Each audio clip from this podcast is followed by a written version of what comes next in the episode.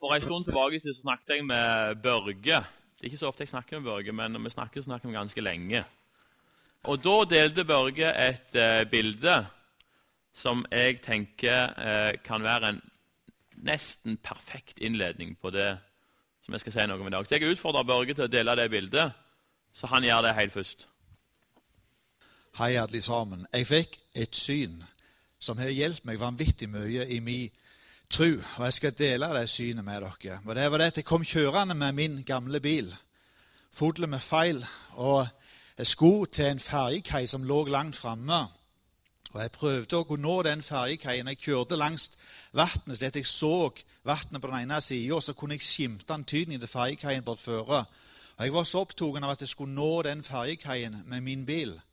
Men så var det det at bilen begynte å fyske, og det begynte å komme ulyder i motoren. Og den ene varsellampen etter den andre varsellampen begynte å lyse. Og Jeg var så redd jeg ikke skulle klare å nå den ferjekaien som jeg skulle til. Og Så ligger det ei ferje, ei spesiell ferje rett utfor meg som jeg ser hele veien, som følger meg med bilen bort gjennom. Og Den ferja er konstruert sånn akkurat som et landgangsfartøy, at du kan ligge til hvor som helst uten at du trenger en ferjekai. Og Når jeg kjører med bilen min, og det blir bare verre og verre, så står han på, dekket der og så gir han beskjed så klart uten å si noe at det er bare å vinke på meg, så kommer jeg inn og henter deg hvor som helst med den ferja. Men stoltheten min for å sette på nødblinken og kjøre det sides og vise de andre at jeg ikke kunne komme til den ferjekaien sjøl, den gjorde at jeg prøvde i det lengste. Og så plutselig så kom oljelyset på, og jeg måtte stoppe. Og Så vinkte jeg til ferja, og i et nu så kom ferja innpå. Og Jeg kjørte om bord i denne ferja. Og så treffer jeg han som står på første dekk og dirigerer trafikken. Og Så vinker han meg helt inntil den bilen som står framføre, så nimme at det er nesten ikke råd å gå inn imellom. Og så snimmer den bilen på sida at det er ikke råd nesten å gå imellom bilene. Og når jeg er stoppet der, så tenker jeg det var vanvittig så nimme du skulle ha med de andre. Og de bilene som satt på sida av meg, de bilene det var folk i, de så sånn stygt på meg at jeg liksom ikke kom ut i bilen min. Og Så kommer han bort, han som står på dekket der, så sier han, du Børge, sa han, nå kan du velge om du vil sitte i bilen her, eller du vil gå opp en etasje og ta deg noe mat. Vi har mat oppe. Og Jeg tenker at ja, ja, hva skal jeg gjøre? Jeg får jo ikke lov å ha bilen i gang, så det blir kaldt her på dekket. Så jeg tenkte jeg tar meg en tur opp og ser. Og når jeg går opp, da, så ser jeg det at i mange av de fineste bilene der sitter folk og, og følger med på sin pil når jeg går forbi, at de ikke skal komme uti. Og Så går jeg opp, og når jeg kommer inn i neste etasje, så ser jeg den fineste salen med de fineste hvite dukene, de bordene som er dekte for de som er om bord i den båten. Og det første som slår meg, hva koster dette her gildet her? Og så spør jeg han ene kelneren som kommer bort til meg med en gang. Og så sier du, hva koster dette her? Så ser han på meg og sier det er ingenting som koster noe på denne båten. Det er en som har betalt for alle som er om bord på denne båten her. Og så, og så, kan han navnet mitt, og så sier han det. Men Børge, sa han, han som har betalt, han sa det til dem, du må gi det beskjed at nå må de ete godt. Nå må de forsyne seg med de gode rettene der borte og drikke mye. For jeg har investert mye for å få dette til. Og det er liksom sånn Jeg tenkte fytti grisen for en kar som har betalt. Og på toppen av alt så tar han opp en nøkkelkort. Og så sier han det til meg. Du, Børge, sa han. Og så kunne han navnet mitt. Han som har betalt, han ga meg dette nøkkelkortet. Så sa han når du eter, så må du gå opp og slappe av og legge deg og nyte farten over. Og Så gikk jeg og forsynte meg med maten. Jeg tok tre skiver med roastbiff på ei brødskive. Jeg fråtsa i mat, for det var en annen som hadde betalt. Jeg hadde den beste av drikke, og du kunne ete så mye du ville uten at du ble ubehagelig mett. Og når jeg hadde spist så jeg var god og mett, så tenkte jeg hvem er denne karen som er betalt? Og Så gikk jeg opp en etasje. Jeg tenkte jeg må gå opp og se hvordan det ser ut på lugaren.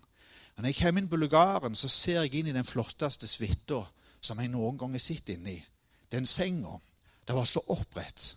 Og så sto det en liten plakat på sida. 'Jeg har venta så på deg, Børge. Slapp av og nyt i senga nå.' Og jeg legger meg der og bare nyter det og tenker 'Hvem er denne karen her?' Jeg får ikke sove. Jeg har aldri slappet så godt av noen gang som jeg gjorde i den senga om bord i den båten. Jeg har heller spist så mye god mat noen gang som jeg gjorde i den båten. Og så får jeg ikke sove. Jeg bare tenker jeg må ta en tur opp på se hvem som står på bruna og styrer denne på skuta. Så går jeg opp og Det er en sånn en fønvind ute. Det er en sånn en varm atmosfære på den båten. Og Så går jeg fram, helt fram oppe med styrehuset. Og Så skimter jeg inn på styrehuset. Så ser jeg inn rett i to kjærlighetsfylte farsauer, som var sånn som min far sin øyne som var sånn som Jesus sine øyne var, som jeg har fortalt dere når jeg møtte han. Så lukker jeg opp døra litt og sier du, kan jeg få komme inn litt? Jeg har noen spørsmål til deg. Så ser han på meg og Børge, kom inn, sånn. Jeg har venta på deg. Så går jeg inn der på sida av kapteinen, skipperen, som står og heller begge hendene godt på rattet. Og så sier jeg til han, du, eh, sa jeg, vet du hvem som er betalt for denne overfarten? Hvem som har betalt alt for alle som bor her? Så ser han på meg og sier, Børge, kom helt bort. Så legger han hånda rundt meg og sier, Børge, det var meg, det. Jeg har betalt for alle på denne båten her, sa han. Men alt som jeg har investert, det var hvert hvert et piskeslag. Det var hvert hvert alt som jeg gikk gjennom. Av å se at du ikke sitter på første dekk i bilen din og passer på alle andre, men at du gikk opp og forsynte deg av den gode maten, den gode drikka, og så kan du like slappe av. Og Jeg bare sto der og hilt rundt han. Og så sier jeg, 'Kan du fortelle meg litt hvordan det er på andre sida?' Så sier han det til meg. 'Du vet du hva, Børge, det fins ikke ord på det på denne jord.' til å fortelle deg hvordan det er på andre sida. Men jeg kan love deg en ting, du vil aldri mer få bruk for de gamle nøklene. Så lukter jeg opp skutesida, så peller meg nøklene på havet. Og nå reiser jeg til himmelen på første klasse. Jeg spiser den beste maten. Jeg drikker den beste jeg drikker. Og så står jeg på bruna med Jesus sjøl. Så nyter jeg overfarten over. Takk, Børge. Bedre innledning kan han ikke få. Thomas Rake ville jo sagt det er jo dette det handler om. Og det er det. Eh, det er faktisk det det handler om. Det som eh, Børge delte, eh, det er det reformasjonen dypest sett handler om. Og vi trenger alltid nye bilder på hva nåde er for noe. Eh, nåde må aldri bli noe som vi tar for gitt. Det må aldri bli en selvfølgelighet. For lenger vekk fra sannheten kommer en ikke. Derfor er det så viktig å ha de nye bildene, hva, hva nåde er, og at vi får de hele veien, sånn som det Børge delte i dag. Det trenger vi å bli påminnet om. For en tid tilbake så var jeg på M44. det er faktisk noen år siden. Og der var Flekkerøy-guttene i første etasje. Og de sang en sang, og bare, den sangen slo meg. Det var lenge siden jeg hadde hørt den sangen. Den sangen hørte jeg jo mye hjemme i stua da jeg vokste opp. Eh, og den sangen der oppsummerer Luther sin gjenoppdagelse og hva denne talen her skal handle om. Den heter 'Nå er jeg på vei til himmelens land'. Nå er jeg på vei til himmelens land. Frelst jeg er. Jesus har grepet min hånd. Djevelens makt er brutt. Trelldomstiden er slutt. Jeg er blitt rik, jeg er frelst med et blikk på det blødende lam. Jesus har frelst min sjel, allting er nå blitt vel. Frigjort jeg er med et blikk på det blødende lam. Prøvde å få det til, men mer og mer gikk jeg vill. Nå er jeg rik, jeg er frelst, med et blikk på det blødende lam. Det ble jo sunget eh, den første sangen i dag. Så sang de 'Fullkommen majestet, du er kongen som ble skyldig i vårt sted'. Det er Luther sitt mantra, og det er det reformasjonen handler om. Det er en annen sang som heter 'Amazing Grace'. Og det var før Amazing ble sånn at nå er det jo Amazing blir brukt på alt. Amazing mat, alt er amazing. Men, men, eh, det var før ordet ble ødelagt. Så da var, det, da var det skikkelig amazing. Han som har skrevet 'Amazing Grace', han heter John Newton. Og John Newton, eh, Det ble innleda med, med slaver her i dag. 30-40 millioner slaver. Og Det er jo en oppblomstring av noe som var før. Og John Newton han var en slavebåtkaptein. Og Han frakta eh, tusenvis av slaver over Atlanteren fra Afrika til Amerika. Under en av disse her ferdene så viste Gud John Newton at dette var helt feil. Dette er mot hans vilje. John Newton var en kristen slavebåtkaptein, som de aller fleste slavebåtkapteiner var på den tida. Men Gud viste John Newton at dette her er helt feil. Eh, og Så snakket jeg Kent om omvendelse sist, og det var det John Newton gjorde. Han vendte seg vekk ifra slavevirksomheten, sa opp jobben sin, levebrødet, og gikk inn i et liv i usikkerhet og risiko. I den fasen så skrev han den sangen 'Amazing Grace'. Amazing grace, how sweet the sound that saved a wretch like me. I once was lost, but now I'm found, was blind, but now I see. Det er igjen kjernen i det Luther vil si evangeliet. I once was lost, but now I'm found. De som er litt interessert i idrett, de vet at faktisk ennå i dag så blir Amazing Grace spilt før store idrettsarrangement mange plasser på jorda. Så det har en helt urokkelig posisjon fremdeles. Nåden er ingen selvfølgelighet. Det er ikke noe vi må ta for gitt. Vi må ikke gjøre Amazing Grace om til bare Grace. Luther han eh, peker på den handlende guden. Som Kent var inne på forrige gudstjeneste, så fortalte han om alle disse tingene som menneskene gjorde for å strekke seg opp mot Gud. De gjorde forskjellige botsøvelser.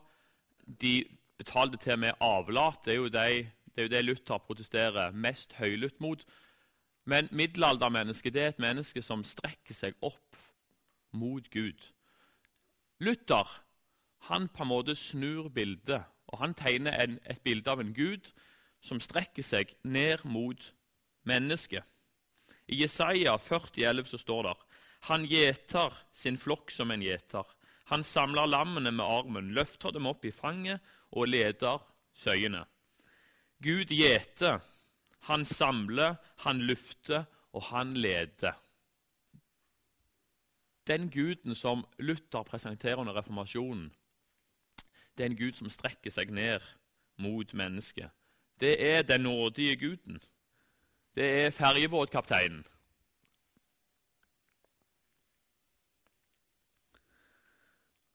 Ken snakket om Lasarus sist gang, som ble vekket opp fra de døde. Og Han sa at det er mye større, det som skjer med oss. Syndere blir gjort rettferdige. Og det er Luther sitt hovedpoeng. Den stedfortredende nåden. Og Luther sier så gjorde han et lykkelig bytte med oss. Han tok på seg vår syndige person og ga oss sin uskyldige og seirende person. Kledd og iført denne personen blir vi befridd fra lovens forbannelse, idet Kristus selv frivillig er blitt en forbannelse for oss. Så Luther snakker om det lykkelige byttet. Ikke sant? At en er gått inn i vårt sted og tok all vår skyld på seg. Og Det er ikke bare noe Luther finner på. Luther han er veldig glad i romerbrevet, og i Romerne 8,31 så står det Hva skal vi så si til dette? Er Gud for oss? Hvem er da mot oss? Han som ikke sparte sin egen sønn, men ga ham for oss alle. Kan han gjøre noe annet enn å gi oss alt sammen med ham? Og Så sier Luther, fordi du tror på min sønn, sier Gud, og fordi din tro tar fatt i ham som jeg har gitt deg for intet til å være din rettferdiggjører og frelser. Derfor skal du regnes for rettferdig. Så det er tru alene og nåde alene. Kristi hellighet er i Guds øyne et dekke som skjuler vår skam. Og hans hellighet er som en beskyttelse, en skjerm, slik at dere synder, slik at dere synder som tror på Han, ikke blir dem tilregnet. Eh, og det er vanskelig å forstå. At en er rettferdig, men samtidig er en en synder. Vi fortsetter jo å synde.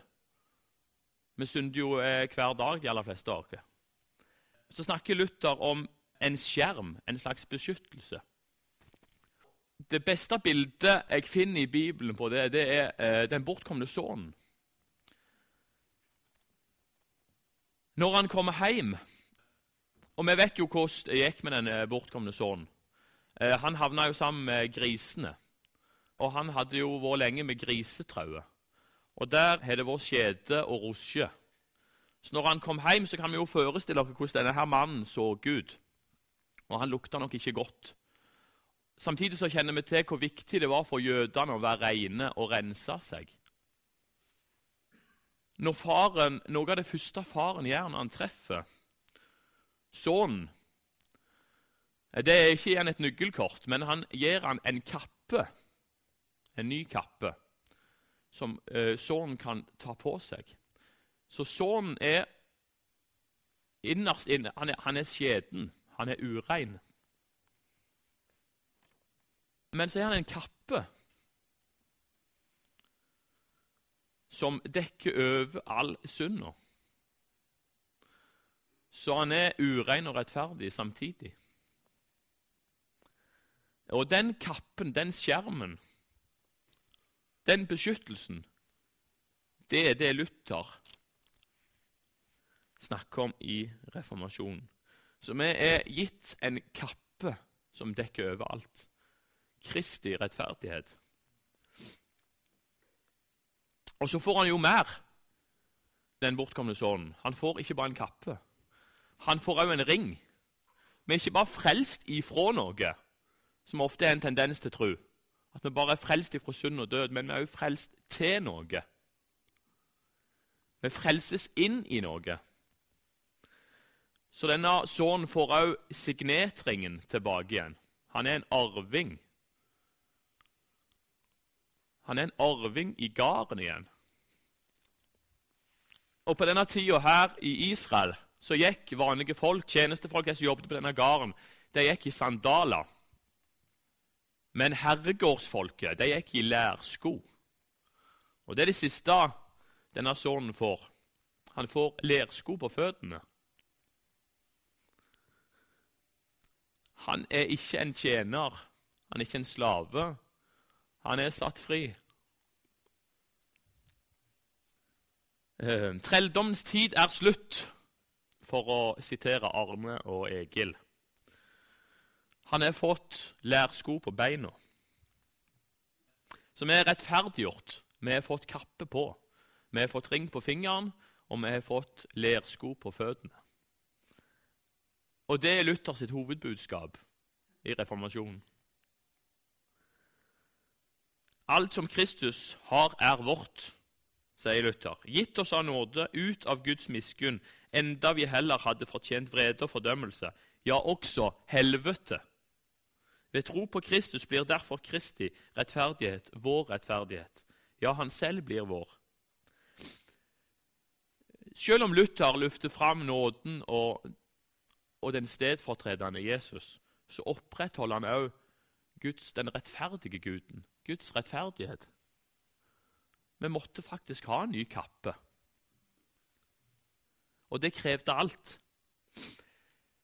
Den guden som Luther presenterer, det er ikke en gud som springer ut av partiprogrammet til Det norske Arbeiderparti. Det er ikke sånn at alle skal med, alle skal få, og alle skal bli inkludert. Uansett. Gud er ikke bare kjærlighet. Han er òg rettferdighet. Og uten en rettferdig Gud så er Jesu død meningsløse. Uten en rettferdig Gud så er fortapelse og helvete absurd. Så Abraham, Isak og Jakobs Gud den passer ikke inn i partiprogrammet til Det norske Arbeiderpartiet. Men det er jo nettopp at Gud, at Gud er rettferdig, det er det som gjør nåden så stor. Så hvis vi tar vekk rettferdigheten, så reduserer vi òg nåden. I andre kor, 17-21, så står det Nei, den som er i Kristus, er en ny skapning. Det gamle er borte, se det nye er blitt til. Men alt er av Gud, Han som ved Kristus forsonte oss med seg selv og ga oss forsoningens tjeneste. For det var Gud som i Kristus forsonte verden med seg selv, slik at han ikke tilregner deres misgjerninger og han betrodde budskapet om forsoningen til oss, så er vi da utsendinger for Kristus, og det er Gud selv som formaner gjennom oss. Vi ber dere på Kristi vegne, la dere forsone med Gud. Han som ikke visste av synd, har han gjort til synd for oss, for at vi skulle få Guds rettferdighet. Det er et av de eh, viktigste versene i Luthers teologi. Og Luther han sier og ånden skaper et hjerte fullt av lyst og frihet, slik loven krever, og på den måten springer de gode gjerninger frem av troen selv. Det er ikke sånn at Luther bare avskaffer alt som har med gjerninger å gjøre, som vi kanskje har hatt inntrykk av. Det er ikke sant om Luther. For Luther han holder fast på gjerninger. Men det som driver oss til å gjøre disse gjerningene, kilden bak, det er der Luther, det er det Luther er mest opptatt av. Og det er ånden, det er ikke vi. Det er ikke vårt strev. Det er ikke våre planer, det er ikke vår energi. Vi kan ikke skape noe som helst, men det er ånden i oss som er blitt inngitt når vi ble et nytt menneske. Og I Efeserne 2, vers 4-10 så står det Men Gud er rik på barmhjertighet, fordi Han elsket oss med en så stor kjærlighet gjorde han oss levende med Kristus, vi som var døde på grunn av våre misgjerninger. Av nåde er dere frelst. I Kristus Jesus har Han reist oss opp fra døden sammen med ham og satt oss i himmelen med ham. Slik ville han i de kommende tider vise hvor overstrømmende rik han er på nåde, og hvor god han er mot oss i Kristus. For av nåde er dere frelst, ved tro. Det er ikke deres eget verk, men Guds gave. Det hviler ikke på gjerninger for at ingen skal skryte av seg selv. For vi er Hans verk skapt i Kristus Jesus. Og der kommer twisten. For vi er Hans verk skapt i Kristus Jesus til gode gjerninger, som Gud på forhånd har lagt ferdige for at vi skulle vandre i dem. Gjerninger er ikke noe vi skal prestere og streve av. Gjerningene ligger allerede klar. Gud inviterer oss inn i hans ferdiglagde gjerninger. Det er hele poenget. Og det er Luther sin twist. Det handler ikke om å kjøpe relekvier og gjøre botsøvelser. Det handler, om at, det handler om en Gud som inviterer mennesket inn i sine ferdiglagde gjerninger. Og Det er en vesentlig forskjell. Og Det er derfor det blir kalt en reformasjon. Det er derfor det blir en stor endring i kirka på denne tida. her. For en stund tilbake så hadde vi sånn psykisk helsedag på skolen. Det var et interessant foredrag. Vi var i, i, i Stortova, og da var det mange ting som ble sagt. Men én ting jeg beit meg merke i, det var at uh, hun foreleseren snakket om sosiale medier. Og Så viser forskning det at uh, over 90% av de som følger med på sosiale medier, de vet at det bildet som blir presentert på sosiale medier, ikke er sant. Det er et vrengebilde og et løgnbilde. Det er over 90% klar over. Samtidig som de er klar over det, så begynner de allikevel å sammenligne seg med det vrengebildet som de ser på sosiale medier. Ubevisst. Så en vet hva som er sant, men en havner allikevel inn i noen uheldige mønster. For sammenligning skjer automatisk. Vi er falne mennesker. Alt det som er, alt det som er dårlig i livet, det har en tendens til å komme av seg sjøl. Det er ingen som trenger gjødsle av ugras. Det kommer. Det gode i livet det må vi dyrke og kultivere. For mennesket er det helt naturlig å sammenligne seg og konkurrere. Og For oss er er det helt naturlig å, å ville ha kontroll. Og Før Luther var det nettopp et kontrollbehov. Kirka hadde behov for kontroll. Men faktisk òg enkeltmennesket kunne på en måte kontrollere sin egen frelse. En kunne følge ei oppskrift som gjorde at en da havna der en ville til slutt.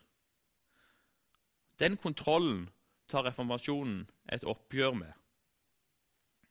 Det ligger ikke naturlig for oss å ta imot noe som er helt ufortjent. Børge sitt vitnesbyrd Det er jo nesten for utrolig til å være sant. Ikke sant?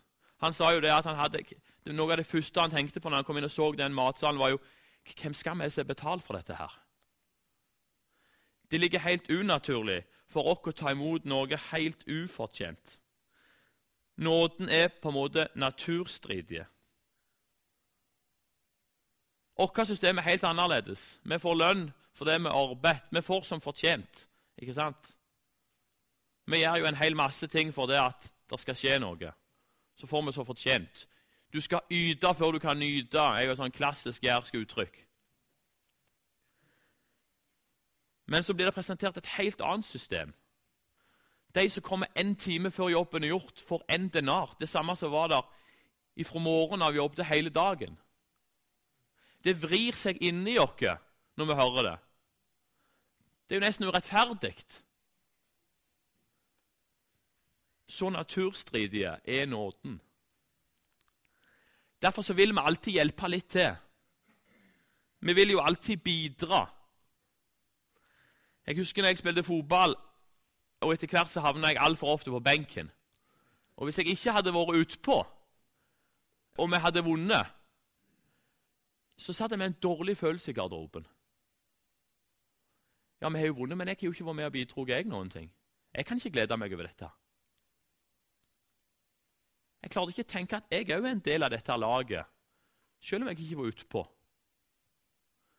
For det er så naturstridig. Og Derfor så vil vi alle som regel prøve å bidra litt sjøl. Hjelpe til litt. Men hvis vi, hvis vi, gjør det, og hvis vi tror det er veien å gå Det vi egentlig gjør, det er å trør på nåden. For da sier vi egentlig at det Jesus gjorde, det var ikke nok. Jeg må jo gjøre litt, jeg òg. I stedet for å ta imot nåden helt betingelsesløst, uten noen betingelser, om at jeg skal være med og hjelpe, jeg skal kontrollere, så begrenser jeg sjøl nåden. Noen har vokst opp i familier kanskje der en har opplevd at en må gjøre seg fortjent til å være elska. Man får gjerne bekreftelse av mor og far når man har gjort noe positivt, når han har utmerka seg, eller noe sånt. Sakte, men sikkert så kan en bygge opp en identitet gjennom det man gjør. Og så blir man et human doing og ikke et human being. Det er fort gjort. Og Ofte så blir Gud den faren eller den moren en hadde i oppveksten. Gud blir en du skal levere til, gjør seg fortjent til å bli elska av. Eh, vi har vært på sånn DTS. Vi var et halvt år vekke. Og på DTS-en der skulle vi skrive journal. Og stakkars han mannen skulle lese mine journaler. Det kan jeg love deg, det var ikke gjort i en håndvending. Det var lange journaler. Hun var heldigere hun skulle lese Olene sine, forresten. Hun var kortere og mer konsis. I hvert fall så var det et eh, grunntema som gikk igjen de første ukene i min journal. Og det var akkurat det jeg har snakket om her nå. At jeg vet jo at Jesus har dødd for meg, og at alt er betalt. Jeg vet jeg kan gå og forsyne meg av det buffetbordet så mye jeg vil. Allikevel så havner jeg inn i de samme mønstrene gang på gang. Ubevisst, der jeg hele veien tror jeg skal levere et eller annet. Skal hele veien hjelpe til litt sjøl. Den fjerde uka fikk vi besøk av en, eh, en sjelden kar fra Sør-Afrika. Han skal være med oss på Mannsviken neste helg. Det blir kjempespennende. Og Han, eh, han hadde noen ord til, til, alle i klassen. Og når, han, eh, når, det var min tur Jeg har alltid vært skeptisk til sånn, sånn profetutrustning. Jeg føler de er sånn røntgenblikk, at de bare kan se gjennom alt. Så jeg var, eh, var halvredd når han kom hit til meg. Men han sa det at ja, jeg ser du er langt ute, og du, rodd, du er i en robåt ute på havet. Og du har rodd forferdelig langt. Du er langt til havs. Der ser jeg deg. Eh, men nå begynner du å bli sliten. Du begynner å bli trøtt. OK, sier jeg. Ja. Så sier han eh, ja, men det er ett stort problem. Det er, er, en stor ting her. OK, sier jeg. Du sitter ikke i en robåt, du sitter i en seilbåt, og det er et seil midt i båten. Og Det er ikke du oppdaget ennå. Så du ror fryktelig mye, men du skal egentlig bare seile. Så med bare en, en, en konkret, kort fortelling. Alle de sidene jeg hadde skrevet i den journalen, de kunne jo egentlig bare vært skrevet med, med noen få setninger. For det var akkurat sånn det var. Det var akkurat sånn det var. Jeg hadde drevet fryktelig mye med roing og rodd mye sjøl. For jeg, eh, ja, jeg hadde jo ikke opptatt seilet ennå. Kanskje det er noen som er havna inn i samme mønster som meg her. Ken snakket om omvendelse sist. Omvendelse det er ikke bare noe vi skal gjøre etter vi blir født, i det vi blir født på ny. Omvendelse det er noe som fortsetter hele livet. Luther han snakker om et liv i daglig omvendelse. snakker Luther om. Om noen vil komme etter meg, da må han fornekte seg selv og hver dag ta sitt korps opp og følge meg. Hver dag må vi hellige ta opp korset og følge Jesus.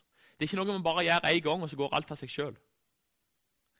I Hebreerne 12,1 så står det Derfor, når vi har så stor en sky av vitner omkring oss, la oss legge av alt som tynger, og synden som så lett fanger oss inn, og med utholdenhet fullføre det løpet som ligger foran oss. Med blikket festet på ham som er troens opphavsmann og fullender, Jesus. Vi kan gjøre utrolig mange positive ting og melde oss på utrolig mye bra. Eh, og holde seminarer og, og, og så videre og så videre. Men alt må starte på pappa sitt fang. Og hvis vi jukser med den rekkefølgen, så blir det roing. Og da blir vi utsletne.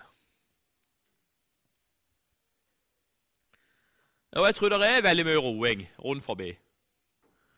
Mange plasser og i mange, mange sitt liv. Fryktelig mye roing.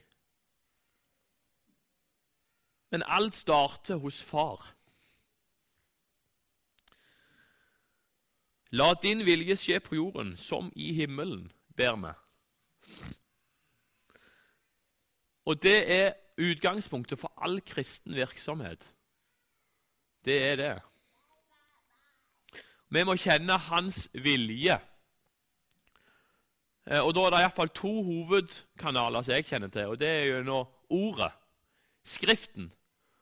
Og Luther kaller det jo, han sier jo 'scriptura solaris', Skriften alene.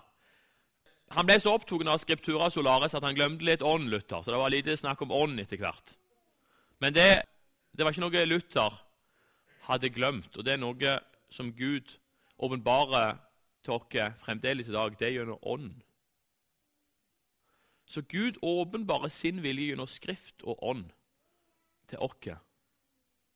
Men noen, noen, ganger så tenker jeg det at det er nesten sånn som mennesker, organisasjoner og kirke er som et menneske i spasme.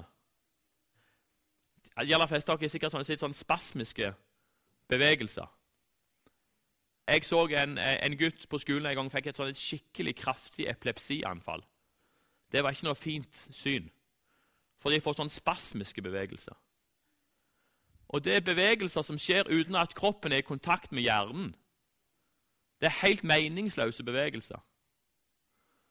Og han Gutten han var helt utsleden etterpå. Han var søkkblaut av svette. Sånn tror jeg det er litt med, kan være med oss òg at vi driver med mye sånn spasmiske bevegelser. For vi er ikke i kontakt med kontrollsenteret, hjernen.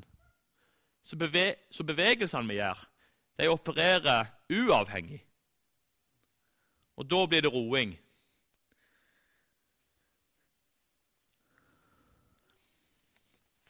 Hvor kommer vinden ifra? Hvor kommer oppdriften ifra? Det var et avgjørende spørsmål for Luther og det er et avgjørende spørsmål for oss. Roing vet vi hvor kommer ifra. Det kommer jo ifra muskelkraft. Mine egne muskler. Og De kan jeg for så vidt sette min lit til. Men alle de som, eh, uansett hvor godt trente dere er, så vet dere at etter en stund så blir vi trøtte. Og til, til slutt så produserer vi melkesyre og stivner helt til. Men vind, det er noe annet. For det er en evig fornybar ressurs. Og det er the good news. Og det har jo jærbuen forstått, og det kan vi jo se opp Brunei. Vi utnytter vind. For vind er der alltid nok av. Og sånn er det med, med ånd. Sånn er det med, med Gud. Det er en fornybar ressurs. Utømmelig kilde. I 2. Korinterne 5, 14-15 står det For Kristi kjærlighet tvinger oss. Vi vet at en er død for alle, derfor er de alle døde. Og han døde for alle, for at de som lever, ikke lenger skal leve for seg selv, men for ham som døde og sto opp for dem. Kristi kjærlighet tvinger oss. Det er vinden. Det er Kristi kjærlighet til oss som tvinger oss ut. Filipperne 2,13.: For det er Gud som er virksom i dere, så dere både vil og gjør det som er etter Guds gode vilje. Gud er virksom i oss. Vi, vi trenger ikke ro sjøl. Vi sitter i en seilbåt, alle mann.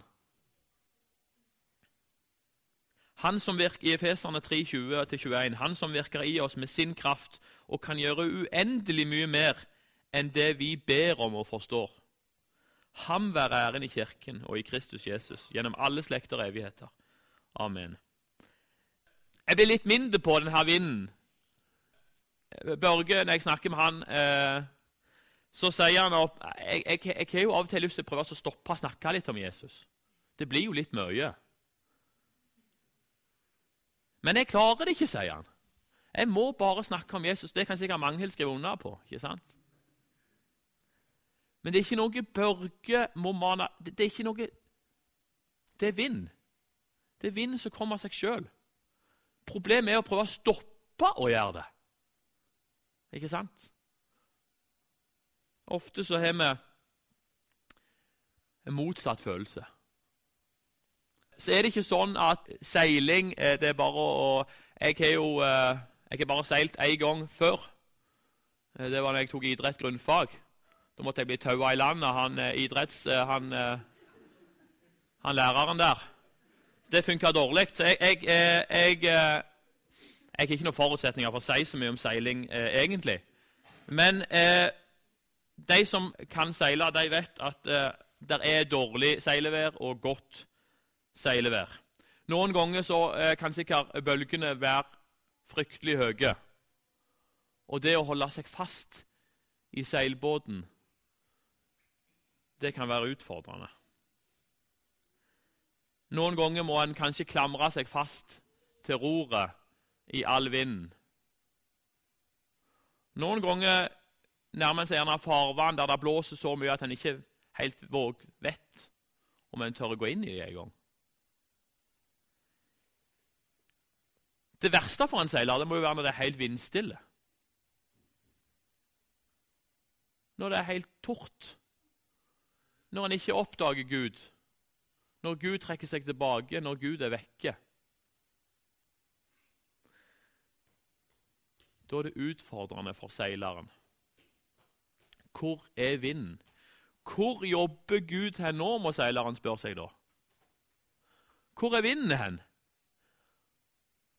Og det tenker jeg er en utrolig god øvelse for oss òg. Prøve å sense hvor er det Gud gjør noe nå hen? Det, skjer det noe på jobben? Noen gode ting som jeg bare kan gli inn i og være med på oppdriften? Skjer det noe i nabolaget? Det trenger ikke være at alt starter med at vi skal trø i gang noe. Og starte fra null og på en måte legge planer alltid. Det kan godt være at Gud allerede gjør noe en annen plass. Så Noen ganger så tror jeg vi må lokalisere hvor vinden er hen. Hvor blåser det hen nå? Og noen ganger blåser det fryktelig mye. Og det er jo, det, det er jo Luther.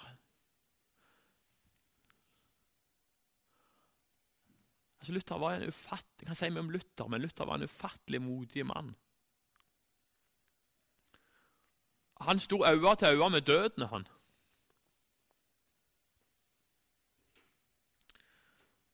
Han kunne bare skrive under på et papir. Si at jeg eh, trekker tilbake alle disse skriftene. Så kunne han spasert ut fri, men han gjorde ikke det. Han risikerte alt. Og det er det som er trosskrittet. Det som Kirkegård sier.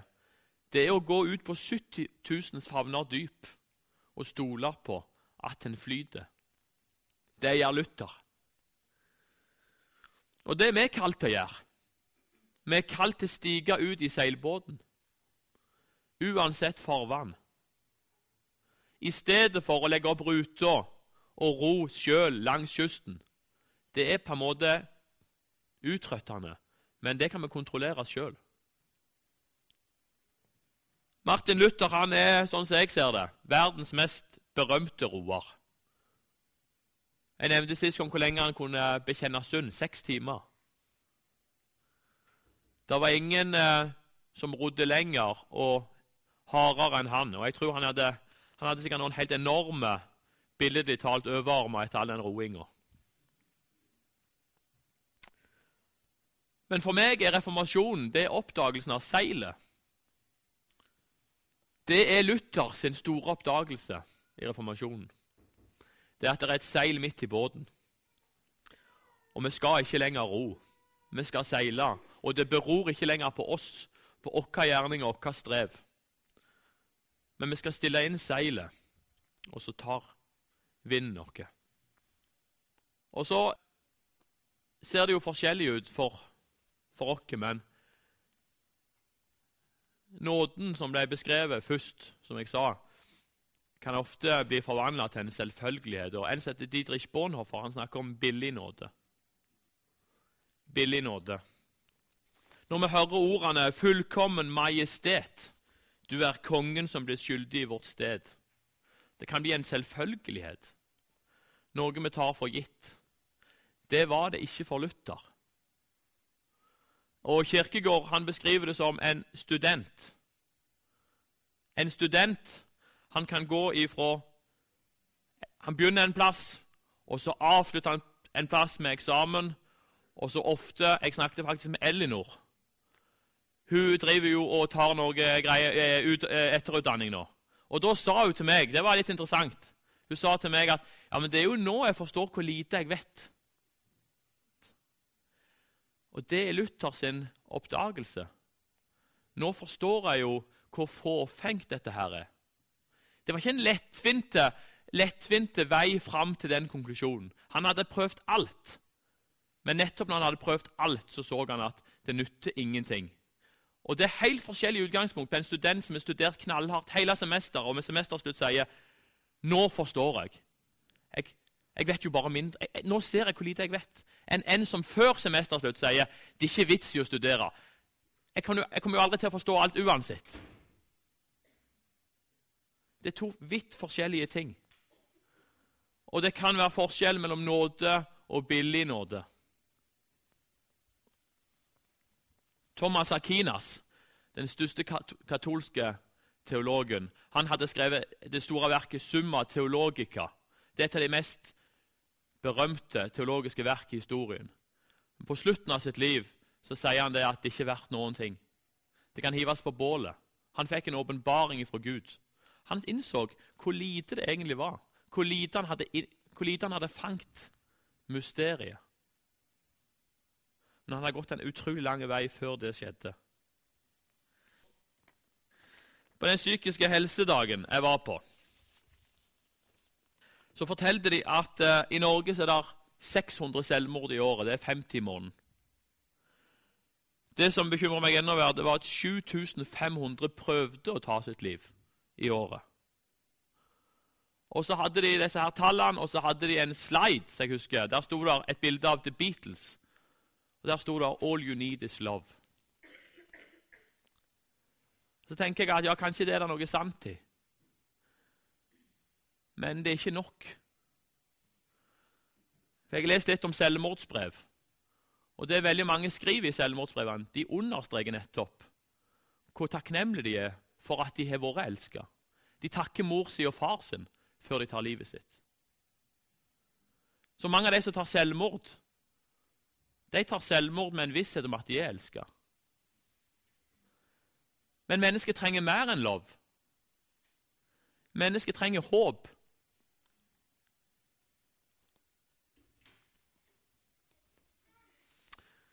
Og det håpet disse ungdommene og mange mangler, i dag. Og det var det håpet som drev Luther.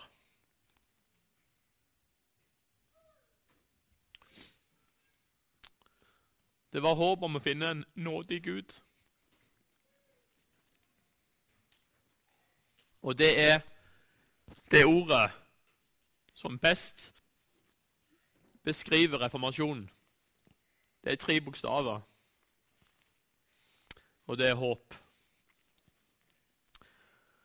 Og det er en naturlig avslutning. Jeg vil be kort helt til slutt. Kjære far, takk for, for din nåde. Takk for det du har gjort for hver enkelt av oss som er inne i dag. Takk for det håpet som du har gitt oss. Hjelp oss å gå i de, dine ferdiglagde gjerninger. Hjelp oss så vi kan holde fast i den seilbåten som du har satt oss i. Amen.